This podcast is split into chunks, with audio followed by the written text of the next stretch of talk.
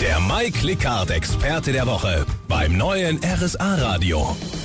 Es geht heute um einen Experten in Sachen Insektenschutz. Es geht um Patrick Kaiser, seines Zeichens Geschäftsführer von Insektenschutz Kaiser in Immenstadt und in Senden.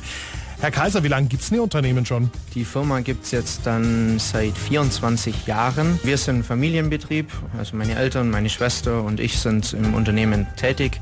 Mein Vater und ich haben die Geschäftsführung. Mhm. Wie ist jetzt die Idee entstanden? Wie kam es, dass die Firma gegründet wurde? Mein Vater hat es damals aufgebaut zum Leidtragen von meiner Mutter. Die war da nicht ganz so begeistert. Ich war noch jung, war ein Jahr alt und er wollte dann sich selbstständig machen, was natürlich immer ein Risiko ist. Und er hat das Wagnis gewagt und und letztendlich war es die richtige Entscheidung und jetzt haben wir über 20 Mitarbeiter. Mhm. Was genau bekomme ich jetzt bei Ihnen?